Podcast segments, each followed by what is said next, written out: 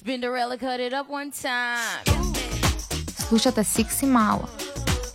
Радио емисија која ги собликува табуата до гола кожа. Секоја втора среда во 12:15 часот на Радио МОВ.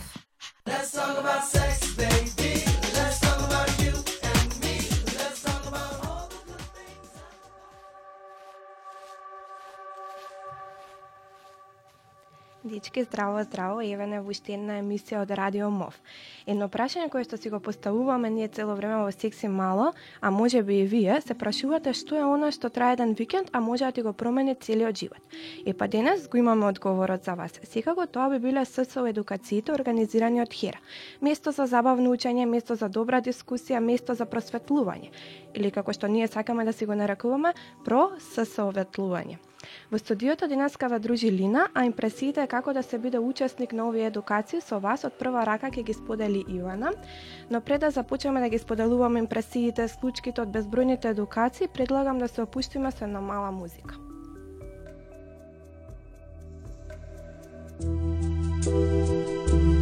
I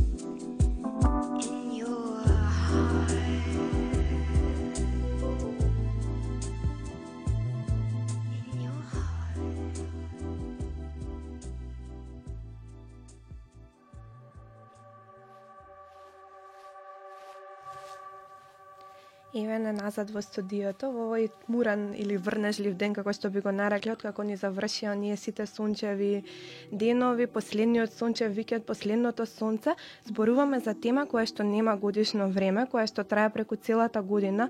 Тоа се со едукациите или сеопфатно сексуално образование, едукации, кои што се спроведуваат, како мал вовод би кажала, во како модел во училиштата или пак на викенд обуки се работат теми како што се род, сексуално и репродуктивно здравје кои што опфаќаат сексуално преносливи инфекции, ХИВ, контрацепција, исто така граѓански аспекти, задоволство, насилство, врски односи, различност. А овие а, едукации, како може така да ги наречеме, се ги водат сертифицирани пиер едукатори, сениори и јуниори кои што поминале еден дел за еден дел обука која што за која што подетално би зборувале подоцна и сега ја водат на ученици или пак студенти кои што се пријавуваат на овие едукации или пак биле обавестени од страна на училиштата кога биле во нивните школи или слично. Тука денеска во студиото ни е Ивана, која што учествуваше на еден вид об, е, викенд обука. Па Ивана, дали ќе можеш да ни откриеш како дозна за викенд обуката и какви беа твоите очекувања? Значи, кога имаме некои вакви програми или обуки што се случуваат, е, ние дознаваме од психологот по призова, која што објавува тоа за тоа во групата на училишната заедница. И се случи на денот на крајниот рок на едукацијата, јас да задознавам за неа и апликацијата ја пратив 10 минути пред крајниот рок и немав реално некакво очекување дека ќе ме примат да влезам да бидам дел од таа со едукација. А, Би можела да кажам дека заинтересираноста од Урца Николов е секогаш едно од најголемите од средното училиште Урца Николов. А, Едно од најголеми број на добиени апликации се од, а може би тоа зависи од психологот, бидејќи е доста посветена и ги објавува овие едукациите, така како што кажа и ти, вие сте известени за тие. Ако на голем број кој, кој што учествува на таа викенд обука ги интересираше како се станува едукатор, а може би вака се погоди случајно јас да бидам токму едукаторот што беше на таа викенд обука.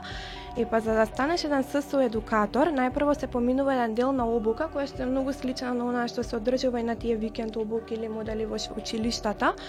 а, се поминува тој дел од обуката, а потоа следе на начин на полагање, кој што не е никаков, не дали ќе биде или во средно или во а, или на факултет, значи нема никаква врска со таквиот вид на полагање, туку еден начин на поделба на тимови на едукатори кои што ја представува нивната тема пред други едукатори, а потоа ние дискутираме каде сме направиле грешки или или слично, а доколку помине се тоа во ред, на крај се сертифицираме со еден вид на лист на кој што кажува дека сме сертифицирани пиер едукатори конкретно за темите на сеопатно сексуално образование кои што ги споменав. Ивана, кажи ми ти какви беа твоите импресиите, твоите импресии и дали би ја препорачала обуката на некому во училиштето или надвор од него? Значи, обуката си на се многу ми се допадна, најмногу заради френдли пристапот на сите едукатори што беа таму, бидејќи по природа јас себе си се сметам како многу срамежлива и не сакам многу да зборувам, меѓутоа ми помогна да се опуштам заедно со другите кои што беа таму и многу ми беше интересно да слушнам мислење од други луѓе во други средини, на други возрасти. И секако би ја препорачала и на многу други луѓе да се пријават и продолжувам да ја препорачувам во училиштето, во класот, во генерација и слично за други да се пријават да видат како е да се дел на со своја едукација.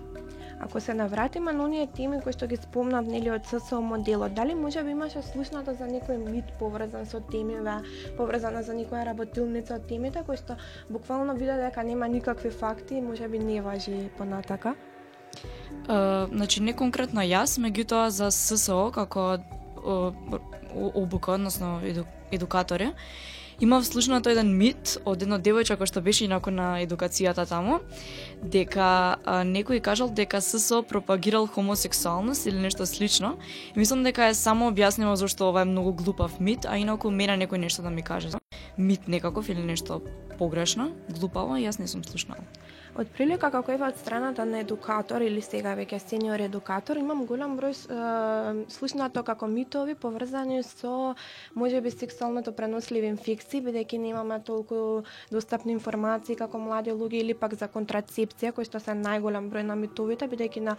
а, имаме вкоренато нешто во младите за да им биде срам да прашаат на вакви теми, токму поради тоа што се едукациите не постојат во редовните училишта и можеби и предоцна е да слушнат на 14 или 13 години за некои основни работи кои што се поврзани со ССО и мислам дека од тука потекнуваат и тие митови што е ССО или не само се што прилика контрацепција, а,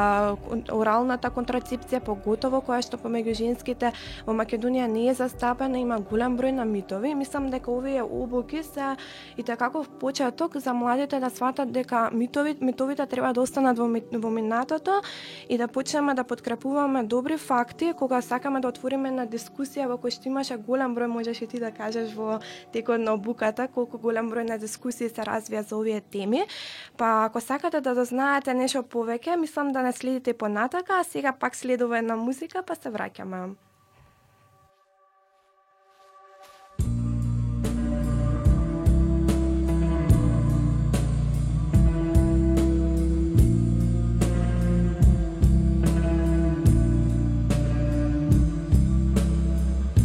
You should have seen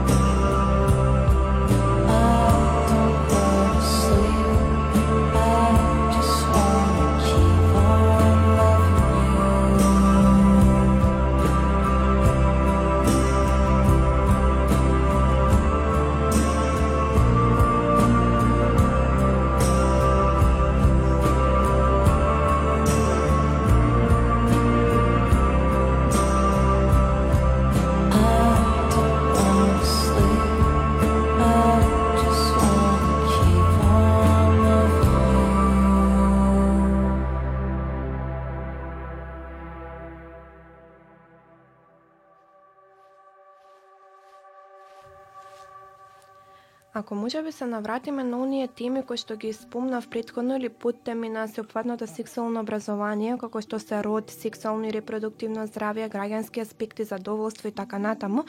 кај младите забележувам дека имам одредена стигматизација за одредени теми. Па ако се навратиме на тоа од каде доаѓа, веројатно е таа неинформираност за овие теми или еден вид на срам за прашување, разговарање помеѓу младите,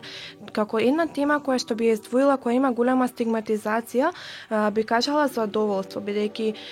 многу не многу млади се спремни да зборуваат на темата задоволство, како и врски односи и слично, бидејќи сметаат дека тоа е еден вид на интимен дел кој што не би сакале да го споделуваат, но тука наоѓаме на една замка каде што не се доволно информирани, па доаѓа до голем број на проблеми кои што се јавуваат подоцна, што се поврзани во врските или во односот со некој партнер или партнерка. И, а, например, кога зборуваме на темата за род, а, сите млади мислат дека знаат се на оваа тема, но кога би ги отвориле дискусиите кои што ги правиме на оние работилници поврзани со родот, гледаме колку младите не се свесни за оние родови идеали или родови норми што а, владеат во нашето општество. Па дали сметаш дека на младите во Македонија има потребно ССО и зошто мислиш така? Сметам секако дека ми потребно ССО и да се надоврзам на тоа што претходно го кажа за задоволството. Значи со помош на ССО младите може да се научат на безбедни, но и задоволувачки односи. Исто така сметам дека ССО е многу потребно бидејќи се стреми за едно праведно и демократско општество каде што сите ќе бидеме меѓусебно почитување. Исто така сметам дека е, кај нас младите нема доволно свест дека сексуалното здравје е исто така важно како и другиот тип на здравје. И мислам дека освен тоа што може да се го подобрат и сексуалното и репродуктивното здравје, можат и здравјето in general да се го подобрат ако учествуваат на една ССО обука. Ја би те надополнила тука и би кажала чист пример за тоа кога ќе прашаме каде се опраќа опр- а, обраќа жената кога има некој проблем поврзано со сексуалното и репродуктивното здравје, сите одговараат на гинеколог. Кога ќе прашаме мажот каде се обраќа и тука малца доаѓа бидејќи маж, маж, мажите како а, да не, се помалку свесни дека и тие треба да се грижат за своето здравје. Например, и доаѓаме потоа им објаснуваме дека постои уролог или дерматовенеролог каде што може да се Да обратат, но доаѓаме до една замка која што вели дека таму мора да доаѓаш до со упат од матичен лекар, кој што се надевам дека ќе се смени, дека мажете слободно ќе може да ги посетуваат овие доктори без некоја препорака или упат и слично. А, колку денеска твоите врсници или соученици сакаат да си го трошат на еден начин времето на вонучилишни активности, например како ете со со едукација? Имам еден пример за ова, кога бев тој викенд на ССО едукацијата, зборував со другарка по телефон и кажав дека ќе одам на едукација, ама нешто не ме запраша каде ќе одиш, што ќе правиш. Јас обично имам некои курсеви, не знам, за астрономија, за хемија и она се зацртала некоја слика во глава дека јас сум на курс за нуклеарна физика. Не знам како тоа се случи. И јас сум само и кажувам дека сум на ССО едукација и објаснувам се што е тоа и почна да ми се смее. Јас секако не се наоти зашто знам во каква средина е растена и знам како дека табу тема е некако да зборува за сексуалното и репродуктивното здравје. И затоа сметам дека младите, односно на моја возраст, дури и мои најдобри другари и другарки не би си го трошале времето на ваква едукација, што е многу погрешно бидејќи тие мислат дека знаат се и не се отворени за да научат нешто ново од оваа област, а има многу што не знаат. Дури и ја што не знам, што бе веќе на едукација. А, токму сметам дека она што го кажат и оние табу теми кои што кружат околу младите се токму проблемот да не си го трошиме ова наречено викенд или викенд обука која што би онака би ја поминале дома. И сметам дека ако доколку продолжат, дали мислиш дека влијае некој од овие со обуки или слични обуки не мора да се поврзани со, со сексуалното образование на личниот развој како млад човек? Сметам дека влијае на развојот на човекот да се стреми да живее во едно послободно, полиберално и демократско општество, бидејќи на се со едукацијата ние се учиме како да бидеме сите еднакви, како се да се почитуваме, освен што учиме што е тоа орална контрацепција или нешто слично. И сметам дека со помош на овие едукации ние стануваме некако полиберални по природа и попуштени, послободни да зборуваме за она што не интересира и послободни да се искажеме, да го кажеме тоа што сакаме да го кажеме. А, Па токму и она мотото што сака да го постигнат со со едукаторите е што повеќе луѓе да бидат опфатени, едуцирани и да не да не се плашат на еден начин да се пријават кога ќе видат апликација и видов супер апликација на интернет, а да се пријавам, ама што е она што ги кочи кога разговараме на таа тема? А, ги кочи да бидејќи сметаат дека не може да се покажа добро на едукациите, но ете ти самата увиде како што кажа дека може би се срамежлива, но ете се отвори дискусија, те интересираше, се вклучуваат сите и голем број на учесници на овие едукации кажале дека првпат им се случува да може да зборуваат слободно без да бидат осудувани, да си кажат што мислат на темите, што имаат слушнато, што сакаат да дознаат, а сепак кога ќе излезат од таму да се мотивираат да истражуваат на овие теми. Она, она што е најбитниот модел од овој од ова викенд обука. А, би те прашала а, колку а, овие теми се зборуваат во склоп на наставата во училиштата и дали има потреба за тоа? Кога зборуваме за во склоп на наставата во училиште, мислам дека кога ќе се спомне тоа на часот по биологија, професорката или професорот, дури да сака да кажува нешто повеќе, веднаш да настанува голема врева, смеја, бидејќи им е смешно некако на моите врсници да зборуваат за ова.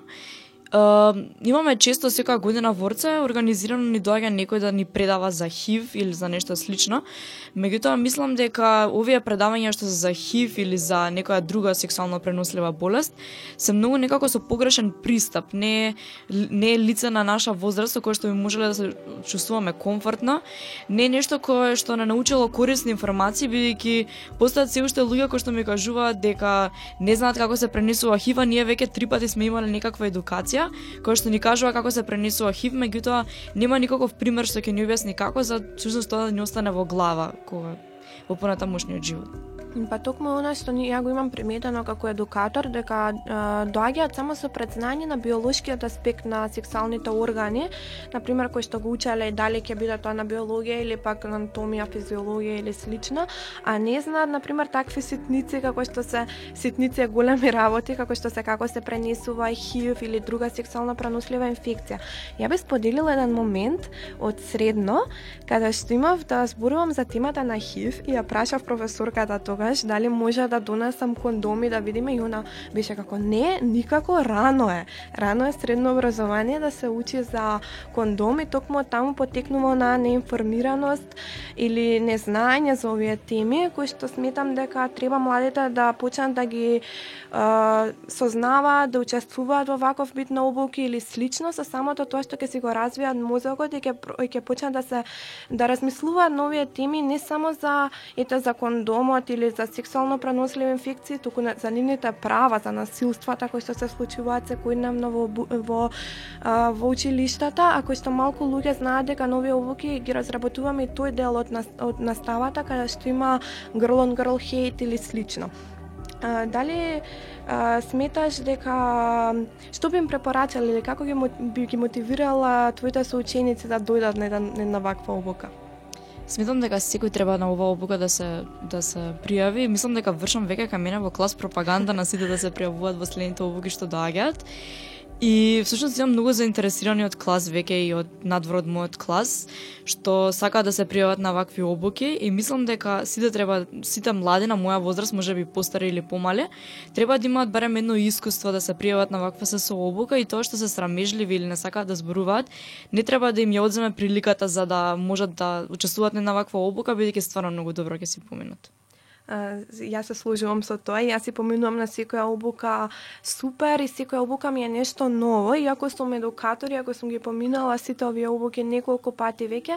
ни една обука не може да се спореди со друга, бидејќи присуствуваат други луѓе и јас дознавам секојдневно нови информации, бидејќи е тема која што секојдневно не а, ни кажува некои нови работи, постојано треба да учим и слично и би препорачала на сите да се пријавите, да дознаете некои нови информации, бидејќи сметам дека младите во Македонија немаат достапни информации во образованието или пак во некој друг наставен дел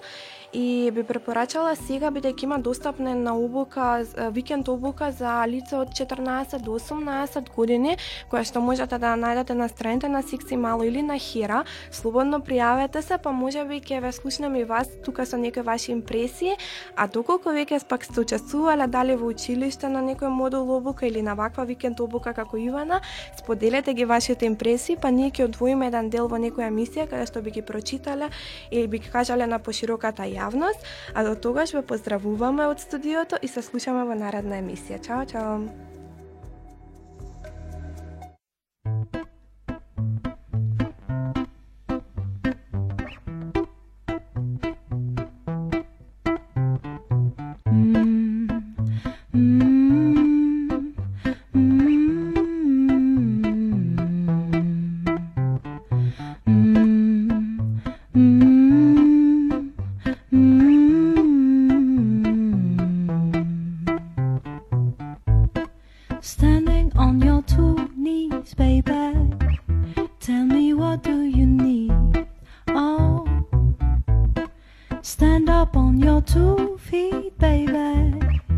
That's how it's got to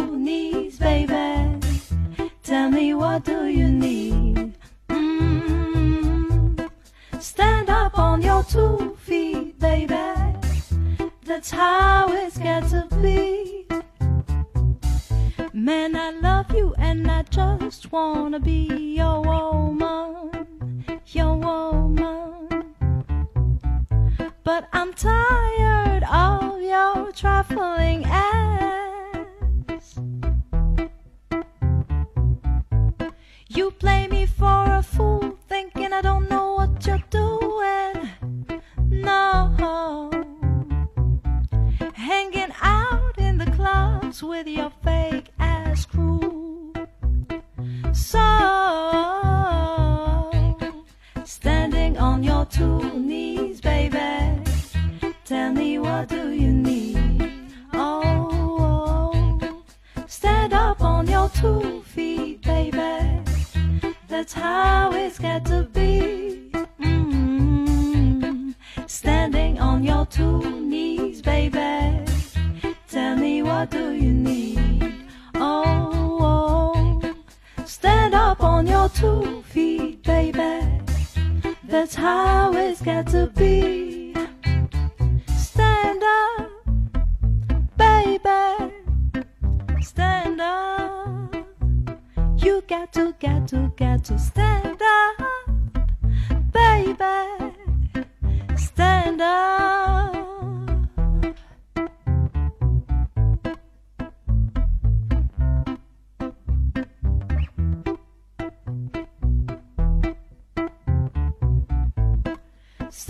On your two knees, baby.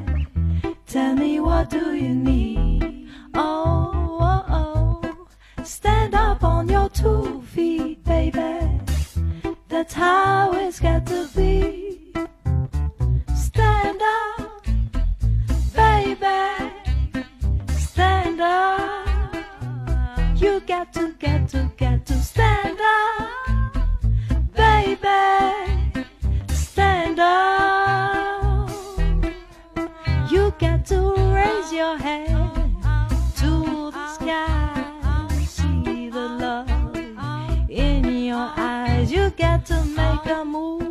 You got to make it through. You got to be real. with yourself. Gotta make a move.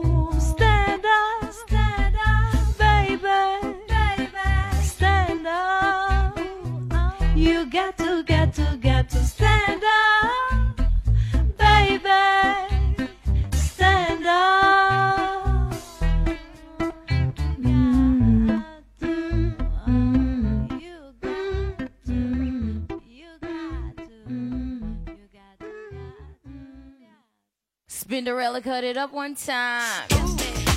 Слушате Секси Мало. Радио емисија која ги собликува табуата до гола кожа. Секоја втора среда во 12:15 часот на Радио МОВ.